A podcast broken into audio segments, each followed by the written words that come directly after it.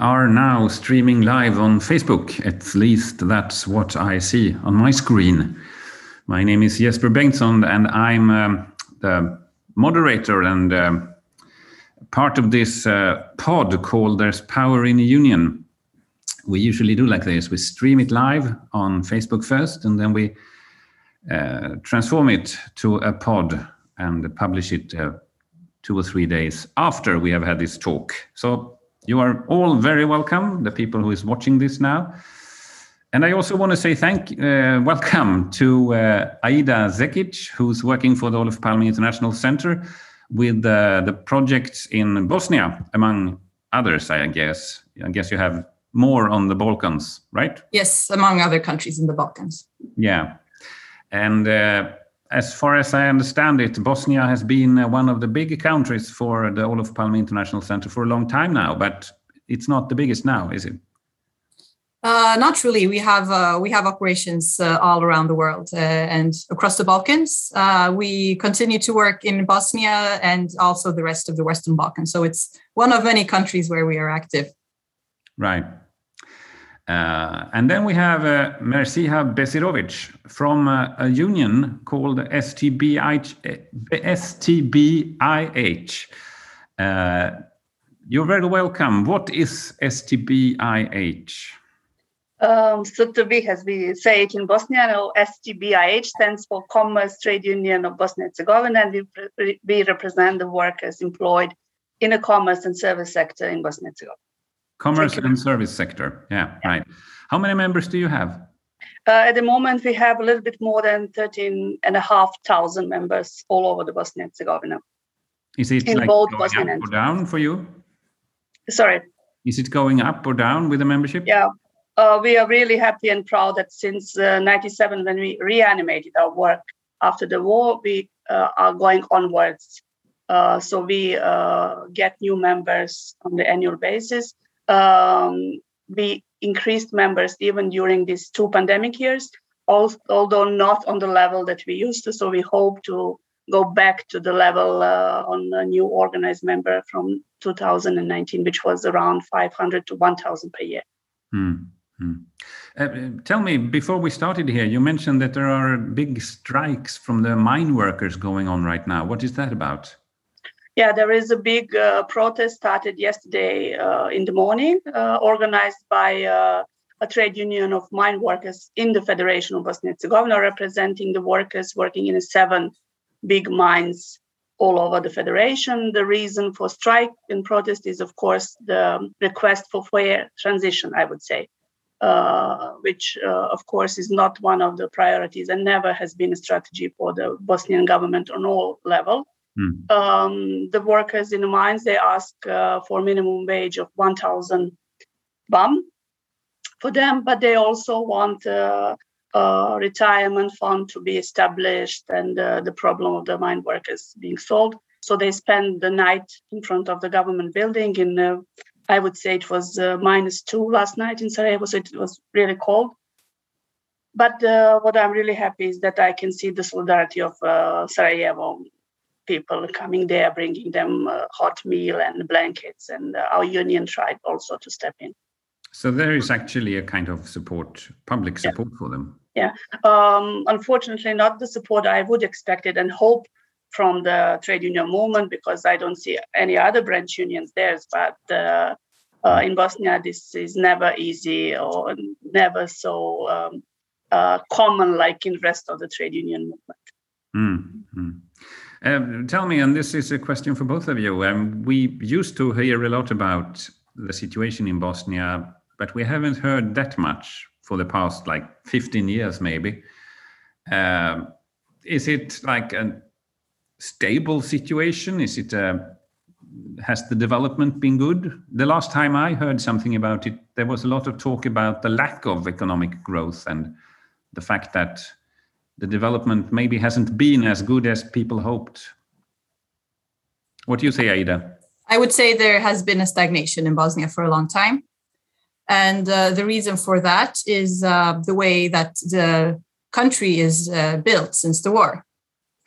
Um, we have a a tripartite presidency, as it's called. So we have a uh, rotating presidency, actually. There are three members representing each ethnic group in the country. And uh, of course, for them, it's easier to divide and rule, so to say. Mm. So they prefer to play the ethnic card and gain votes that way. Um, so we have constant political conflicts hmm. that are about, um, they're not ideological, they're not programmatic, they're um, political, strategic. Um, the politicians try to divide the people, uh, get them angry over the wrong thing, so to say. And the political conflict is constantly about the power of the different representatives of the ethnic groups rather than actually about the interests of the people of the country. So, this is why it's very difficult to get anywhere. Um, the presidents veto each other, and there is a lack of development in the country. And this is also what we are seeing right now in the country.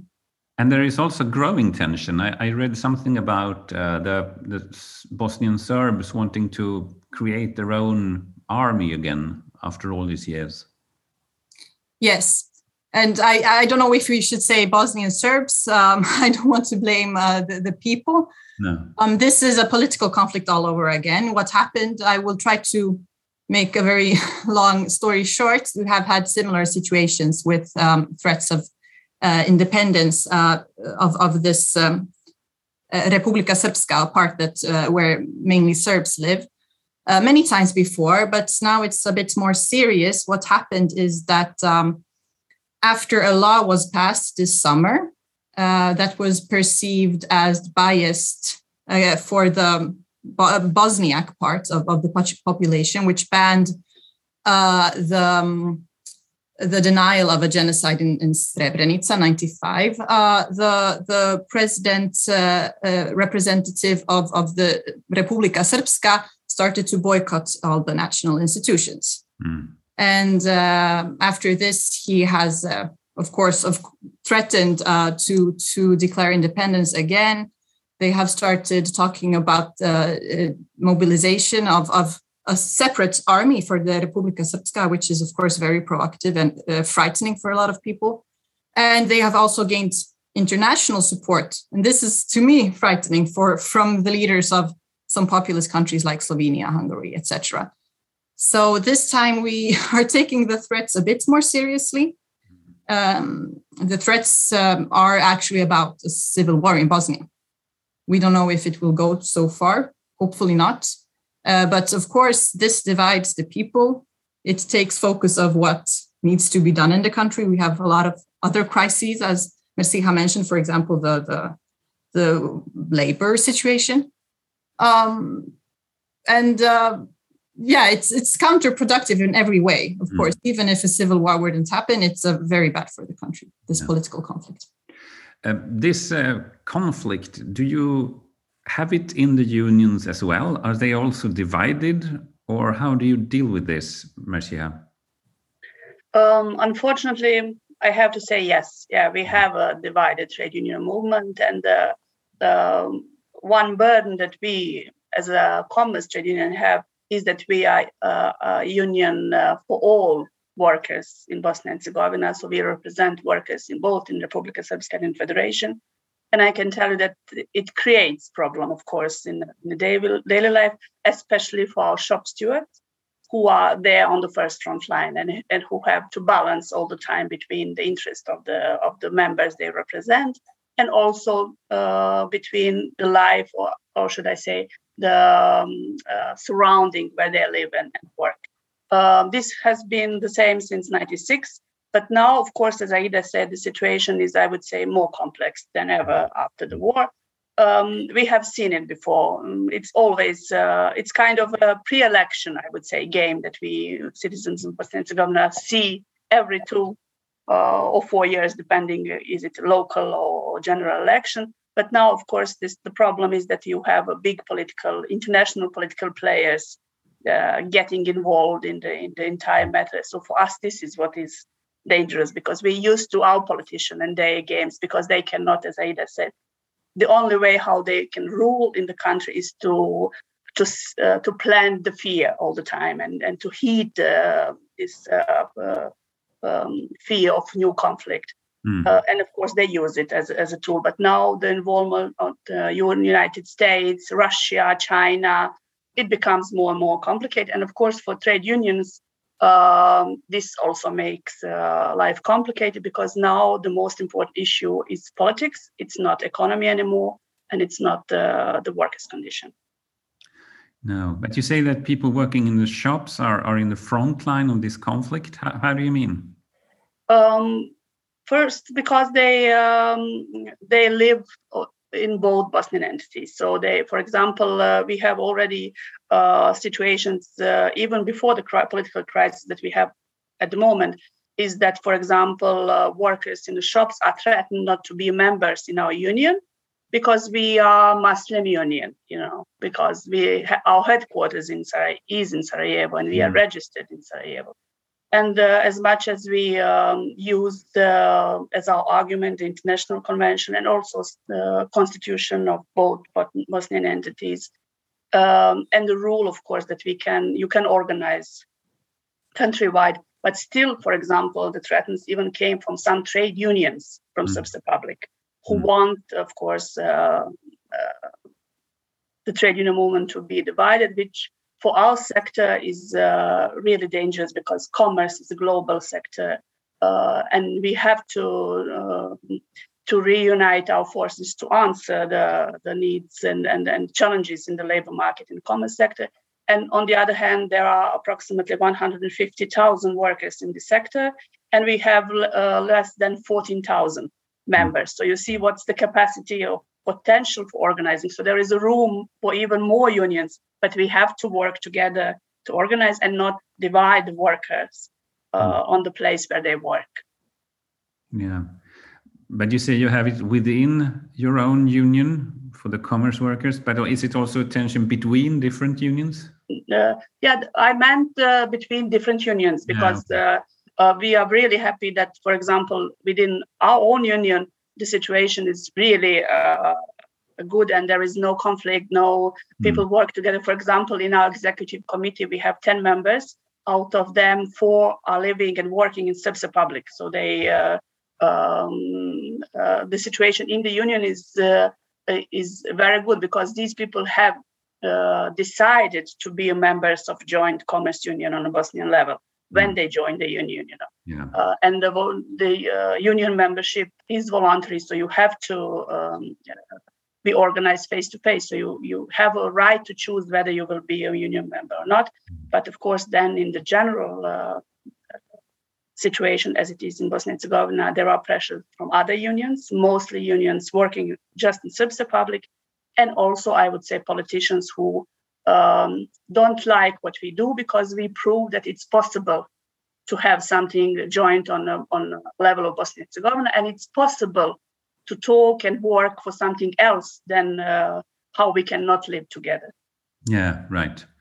Uh, when after the war in, in uh, Bosnia, now 25 years ago, you actually had to start up the union sector from the beginning again, right?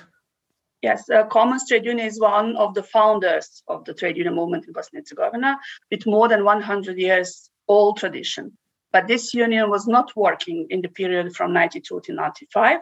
So in 96, when we started to uh, reanimate the work of the union, we started organizing from zero. And of course, this was very difficult part in the economical sense because the privatization is a uh, very important process started first in the commerce sector.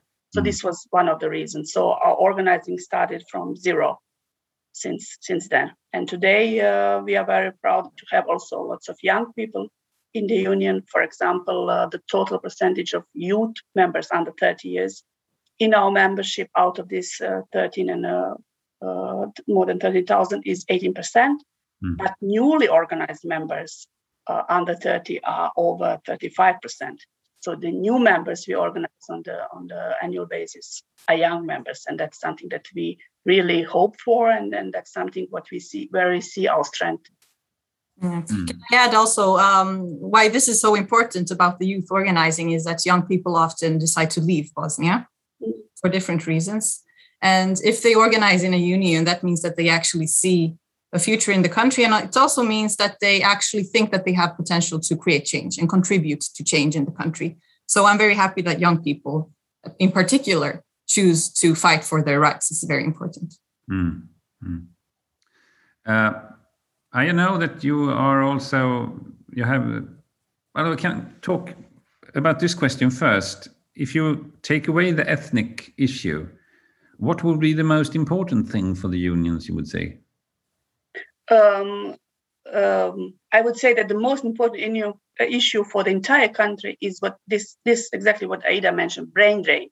We are dying country and dying nation. Um, more and more people are leaving Bosnia and Herzegovina. What's um, especially, for example, in our sector, you have uh, towns and small villages on the border of Bosnia and Herzegovina. They are literally empty. Mm. Uh, so, for example, uh, some employers had to close the shops because they cannot find workers anymore. Uh, nobody in Bosnia and Herzegovina wants to work for 500 BAM, which is uh, the minimum wage in this sector, when they can earn, for example, at three, three to five times more just in Croatia. Mm. And uh, living condition in Bosnia and Herzegovina, I would say now almost on the same level like in Western Europe. So people are living in the country, and that's the most important and uh, I would say uh, the most accurate issue to deal with. And unfortunately, again, we don't see any strategy or any fight against the brain drain. And I think that that is also most important for the union. Hmm. Would there has been talks about several of the countries in the Balkans to become members of the European Union. Would that sort out something? Um, I would say that uh, we talk about this with our members very often on our meetings and uh, on our uh, workshops. Uh, the general uh, attitude of Bosnian people is that they see security in the process of joining EU, because of course everybody is afraid of a new conflict. You know, so they see that this would uh, uh, decrease, I would say, the level of danger of new conflict, uh, and of course uh, the level of the human rights. Uh, they see this as as as a, as a chance to lift up the level of uh, human rights in Bosnia and Herzegovina. But of course, the situation is not the same in the all parts of the country. That uh, when, in, for example, in Republika Srpska, um, um, also the workers are not so eager to join the European Union because, of course, they follow very much what media says, and the, the influence of mm. media in Bosnia and Herzegovina is huge. Yeah. Yeah, and, and I mean, this is a trend we see uh, all over the Balkans. The EU has been, um, it has disappointed the people, so to say. So now mm. uh, there is a cha- chance for Russia and China to have greater influence mm. on the region than than the EU. They they saw this vacuum and they took the opportunity. So unfortunately, um, it's either or. So it's the east or the west for this region. Turkey is also one of these countries that has uh, influence on Bosnia.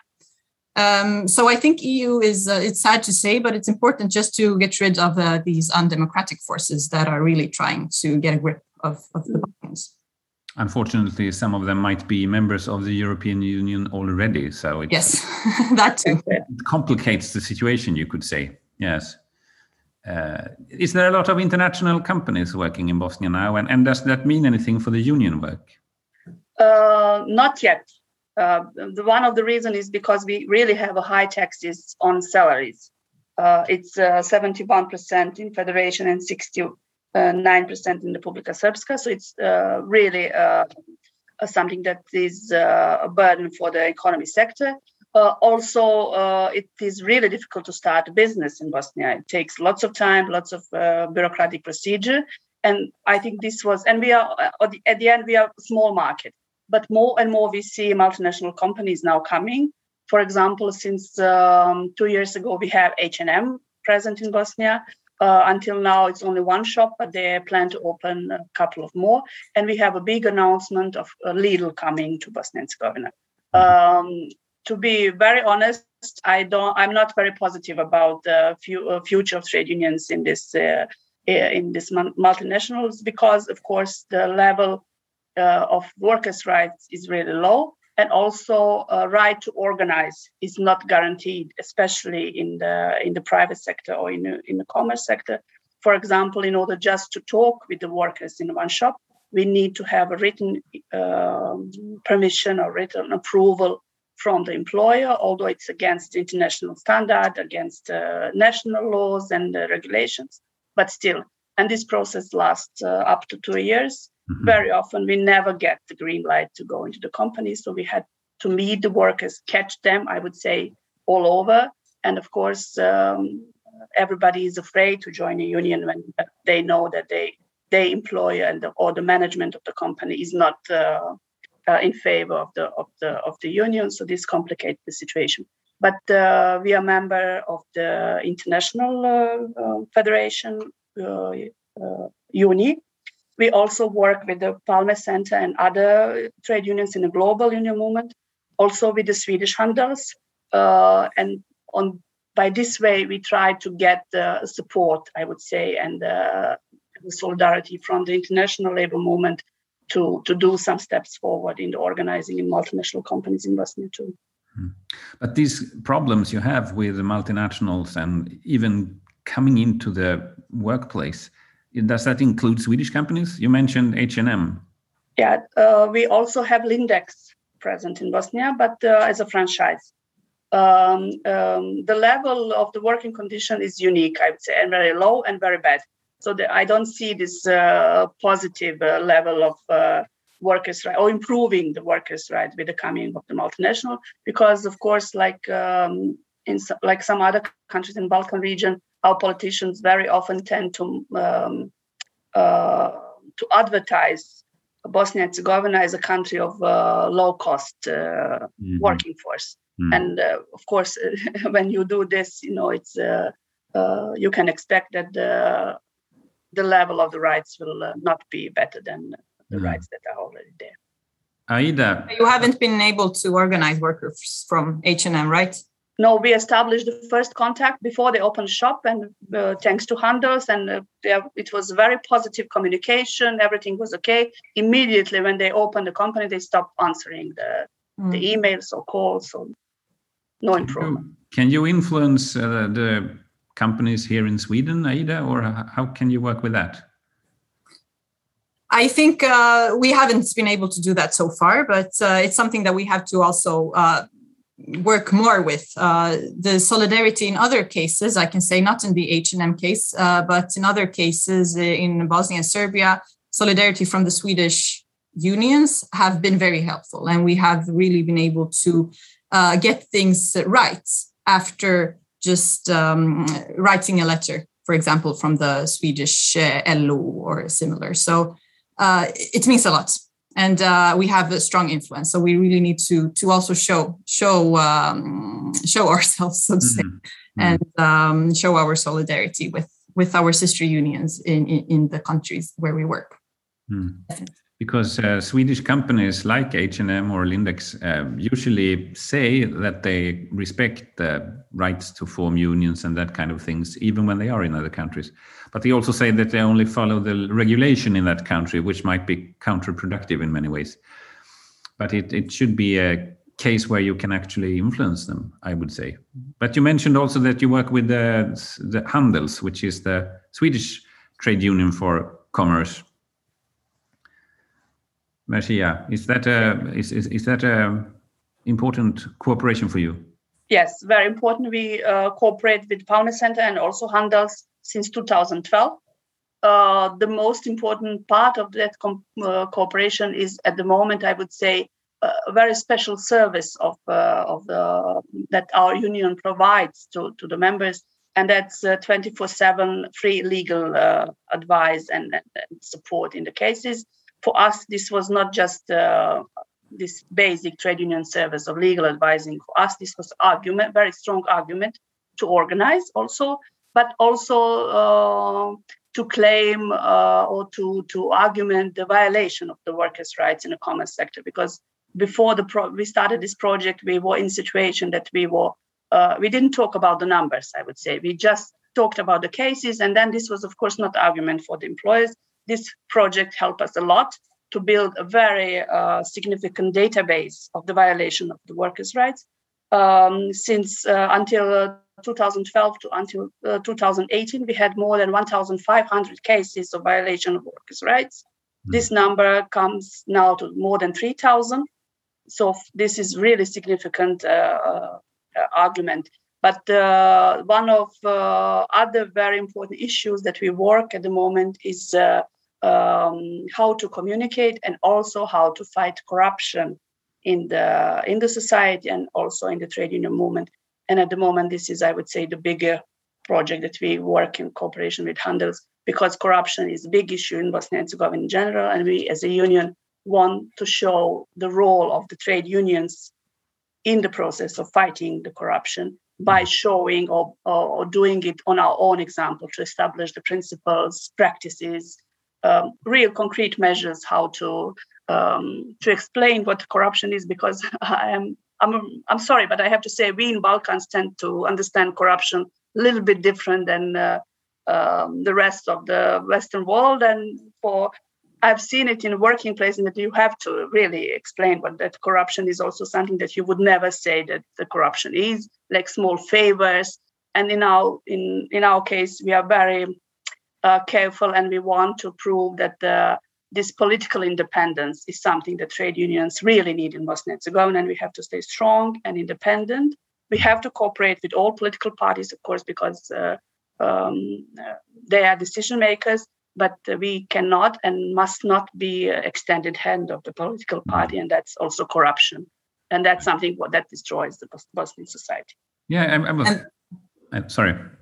This is also why uh, we support STBIH uh, for so many years and a few other unions in the country. It's uh, that STBIH is really a role model for the trade union movement. And um, if more unions were like you, I think uh, also more people would organize.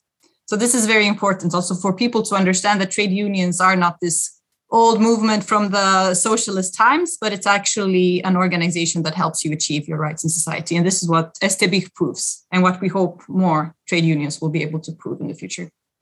Right. I, I was actually going to ask about that too. Uh, are all unions independent from, like you described, or are, do they have affiliations to parties and uh, maybe even to government? Uh, formally and officially, no, no. But you know, you will not see this uh, any of the trade union leaders uh, being a member of the party. But we in Bosnia, we have one. I don't know, if it will it be correct in English? But we say we sympathize the party, and this is what we see uh, when you come to trade unions. They so-called sympathize certain party, and it's uh, more and more. I would see that they sympathize the leading parties Mm. Uh, and always those who have who are in power. Uh, one of the, I would say, um, the biggest um, mistake the trade union movement in general in Bosnia and Herzegovina did after the war is that it flirted with the political parties and it uh, um, it failed to stay independent, strong uh, in front of them, but independent. And that's something that workers uh, really uh, blame us for the most the other thing is this what Aida said lack of transparency within the trade union. Mm. Uh, and that's, of course, something that is the condition number one for people not to join you. Mm. I see. Thank you very much for an interesting discussion. I think we wrap it up here. Uh, it's not exactly 30 minutes, but that's right. And uh, we know a lot more about um, Bosnia. We know a lot more about unions in Bosnia from this discussion. Uh, this is a Zoom streamed talk uh, as a part of the pod.